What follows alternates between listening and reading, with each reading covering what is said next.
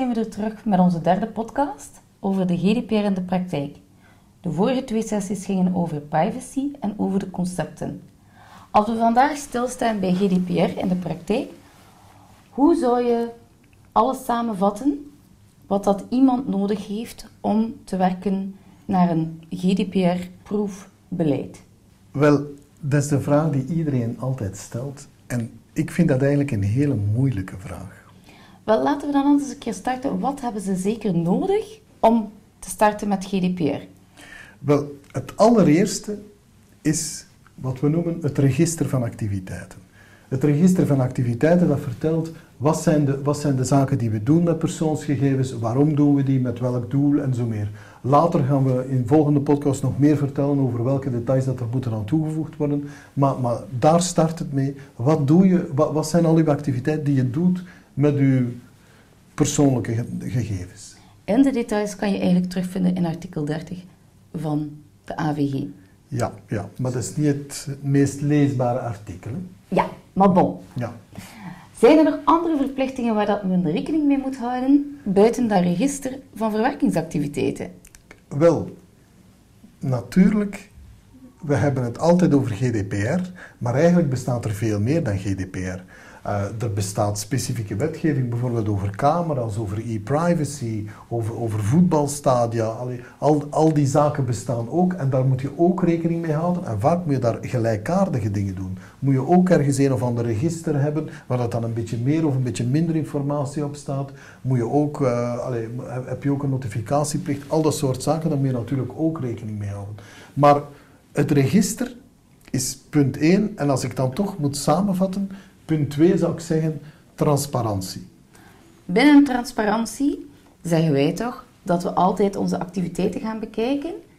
En van daaruit maken we een privacyverklaring waar dat, dat allemaal samengevat staat, zodanig dat de lezer, de betrokkenen, de lezer van een website, weet waarom zijn gegevens gebruikt worden. Ja, dat is natuurlijk eh, wij, wij surfen allemaal elke dag. Elke dag hebben wij de mogelijkheid om die privacyverklaringen te lezen. Niemand leest die. Dat was helaas een mislukte poging tot transparantie. Ja, ja. Dus, dus je moet wel een beetje weten, dat zijn zaken die je moet doen, je bent ertoe verplicht, maar, maar heel veel nut heeft het eigenlijk niet. Maar, de opzet was wel positief bedoeld. Ja, dat klopt. En er is nog een belangrijke vraag. Hè. we hebben het register met de, de basisinformatie. We hebben de transparantieverklaring of verklaringen. Naar gelang bijvoorbeeld voor werknemers en voor klanten, dat dat totaal andere verklaringen zijn. Maar dan is er nog meer. Dan zijn er ook nog extra zaken. En ja. daar kan jij wel iets meer over zeggen. Wel, ik zou zeggen, naar aanleiding van het doel waarvoor dat je gegevens gebruikt, ga je daar ook een zekere grondslag aan geven. We hebben er zes.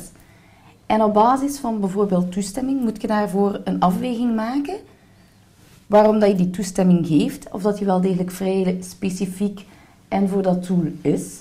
Mhm. Een andere zaak dat we hebben is legitimate interest of gerechtvaardigd belang. Daarvoor heb je ook een balancering nodig, of dat dit wel of niet nodig is. Als we dan gaan kijken naar een verder aspect, kunnen we ook gaan zeggen van kijk, de rechten van betrokkenen ga je gaan oplijsten. Welke dat je nodig hebt, dat je zeker kan gebruiken. En dan is er nog iets waar dat we minder over spreken, maar die wel noodzakelijk is, omdat het woordje risk-based heel vaak gebruikt wordt in de wetgeving. En misschien kun jij daar iets meer over vertellen. Wel, inderdaad, dat woordje risicogebaseerd komt, ik geloof, 30 of 40 keer voor in de, in, in de tekst. Het woordje demonstreren of aantonen komt ook een behoorlijk aantal keer voor. Um, met risicogebaseerd bedoelen we dat de verantwoordelijke van de verwerking, dat die voor elk van de verwerkingen en, en, databases en applicaties en al dat soort zaken gaat nagaan, wat zijn hier eigenlijk de mogelijke risico's waar ik moet rekening mee houden en welke maatregelen kan ik nemen om die risico's te reduceren. En, en dat, aspect... Is dat dan hetzelfde als die gegevensbeschermingseffectenbeoordeling?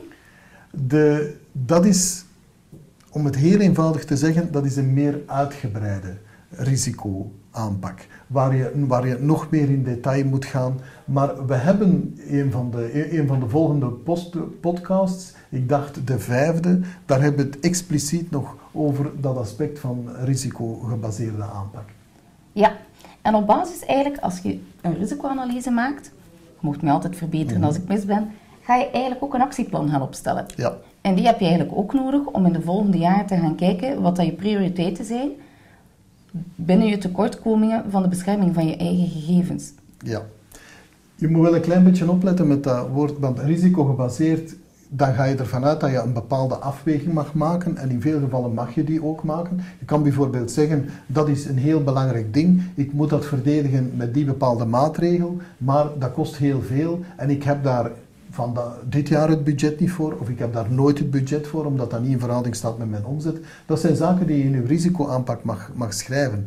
Maar de rechten van betrokkenen, Ja? dat zijn dat is ook, je kan dat ook beschouwen als een risico dat er iemand een, een, een, aanvraag doet om, voor recht tot inzage bijvoorbeeld. Maar daar mag je die afweging niet maken. Je moet gewoon aan de rechten van betrokkenen kunnen beantwoorden. Dus er zijn een aantal zaken die in de GDPR staan, die je gewoon moet doen. Je kan die meenemen in die risicoaanpak, maar ze zijn wel niet vrijblijvend. Nee. Maar daarvoor zijn er andere Ja. zaken. Oké, dan hebben we ook data protection by default en by design. Als we daarmee rekening houden bij onze GDPR-conceptontwikkeling, Wel, implementatie. eigenlijk betekent dat denk vooraleer je doet. Uh, dus je, je, je, gaat niet zomaar systemen, eh, systemen opzetten en dan achteraf denken, goh, nu moet ik nog iets denken aan, nu moet ik nog eens aan gegevensbescherming denken of aan beveiliging en hoe kan ik dat aanpakken of hoe kan ik dat oplappen. De bedoeling van dat, van dat by design is dat je daar van bij het begin over nadenkt, dat je eventueel je systemen ook anders ontwikkelt of ontwerpt, zodat, zodat, die, by, zodat die eigenlijk bijna niet kunnen onveilig zijn. Ik denk bijvoorbeeld aan camerasystemen. Je, je, maakt een heel camerasysteem. Als je, en, en dat camerasysteem neemt op, slaat die beelden op, doet daar dan verwerking mee. Als je bijvoorbeeld al zou zorgen in je, in je systeem dat je die beelden nooit opslaat, omdat je meteen eigenlijk het eindresultaat nodig hebt, zeg maar de nummerplaten, dan als je dat veel, veel meer reduceert, dan ga je ook geen risico hebben dat die beelden kunnen, kunnen lekken, omdat ze gewoon nooit nooit gecapteerd geweest of nooit geregistreerd geweest zijn. Dat soort zaken, dat lost zeker niet alles op in, in, in qua risico, maar, Mhm. maar dat, soort, dat soort maatregelen, daar, kan je, allee, daar moet je rekening mee houden. Maar er is nog een aspect dat, ik, uh, allee, dat, dat we moeten melden, en daar ben jij heel vaak mee bezig: governance. Ja, inderdaad. Je moet eigenlijk ook gaan nadenken of dat je binnen je bedrijf een DPO nodig hebt of niet. En dan ga je die gaan aankijken, op, aanstellen op basis van wat doet je bedrijf, waarmee, welke gegevens ga ik eigenlijk gaan, gaan verwerken. Blijven die binnen de EU, gaan die buiten de EU, zijn we multinational, hebben we enkel de zetels hier. En op basis van al die aspecten ga je eigenlijk gaan nadenken of dat je een DPO nodig hebt of niet. En als je hem wel nodig hebt, dan moet je hem ook gaan registreren. Dan moet je ook zeggen waarom dat je hem nodig hebt. En dan moet je dat ook communiceren binnen het bedrijf. En dan is dat eigenlijk hoofdzakelijk de contactpersoon. Heb je geen nodig, dan moet je er wel voor zorgen dat er een contactpersoon of een contact-e-mailadres is waarop dat mensen hun vragen kunnen stellen aan zaken die gerelateerd zijn aan gegevensbescherming of als ze hun rechten van betrokkenen willen uitoefenen of als ze een incident willen melden. Dus daar op die moment komen we eigenlijk op ons volgende stuk van incident response. Kan je mij daar meer over vertellen?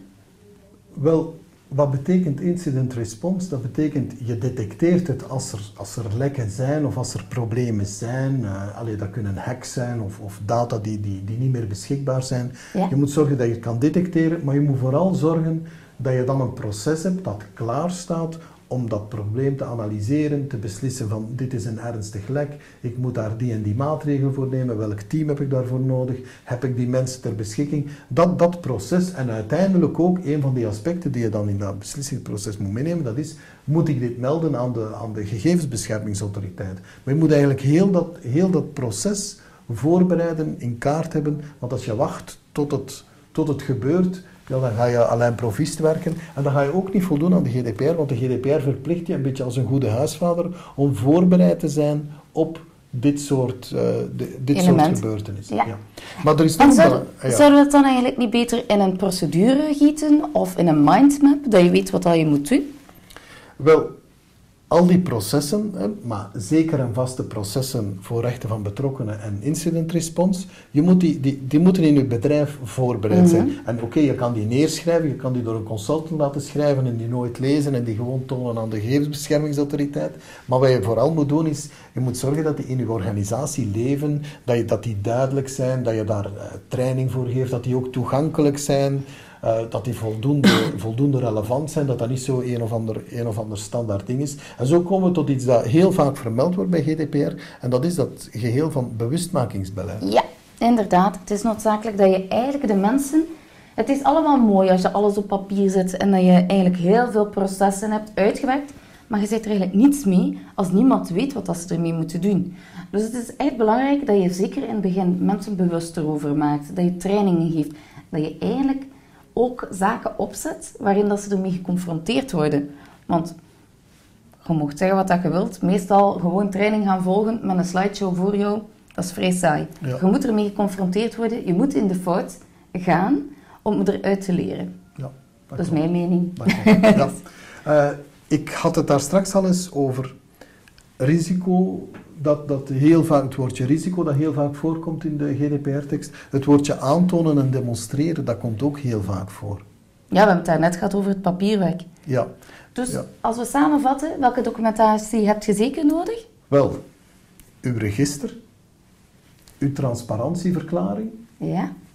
eventueel extra assessments, uw, bewijs van uw risicogebaseerde aanpak, uw actieplan, uw beschrijving van uw rollen, wie is er verantwoordelijk voor wat. En dan zeker en vast, als we het hebben over processen, die processen die heel relevant zijn, rechten van betrokkenen en incident response. En ook bewustmakingscampagnes, daar bewijzen van hebben, zor- zorgen dat je die hebt. Maar als je, als je echt vandaag een audit krijgt en men komt langs, al die zaken moet je hebben, maar uw policies, uw beschrijving van uw processen, dat is, een, dat, is, dat is niet het ding waar, waar mensen graag mee starten, maar, maar het is wel, je, je krijgt de vraag, doe je dit of hoe doe je dat? En je wil daar mooi op antwoorden. En je krijgt gewoon de kans niet als je geen geschreven proces hebt. Dus dat, dat is toch wel iets dat je, allee, vandaar dat woordje aantonen, dat dat een heel belangrijk ding is. Nu, GDPR in de praktijk, allemaal mooi, maar kan ik daar geen software voor gebruiken? Bestaan er geen tools voor? Goh, er zijn er heel veel op de markt, maar je moet eigenlijk altijd kijken voor jezelf, wat heb je nodig?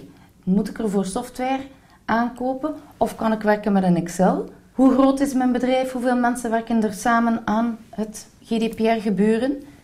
Is het gemakkelijk om te werken met een Excel? Is het gemakkelijker om een, iets zelf op te zetten binnen SharePoint? Is het gemakkelijker om een of andere software aan te kopen? Dat kies je zelf, maar het is niet verplicht.